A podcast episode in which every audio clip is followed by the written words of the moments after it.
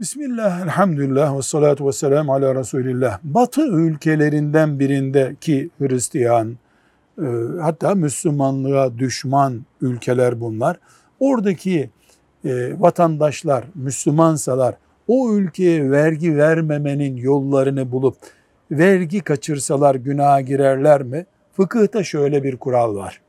Müslüman pasaportla girdiği, oturum izni aldığı veya vatandaşı olduğu bir ülke kafir ülke de olsa orada yasalara uymak zorundadır.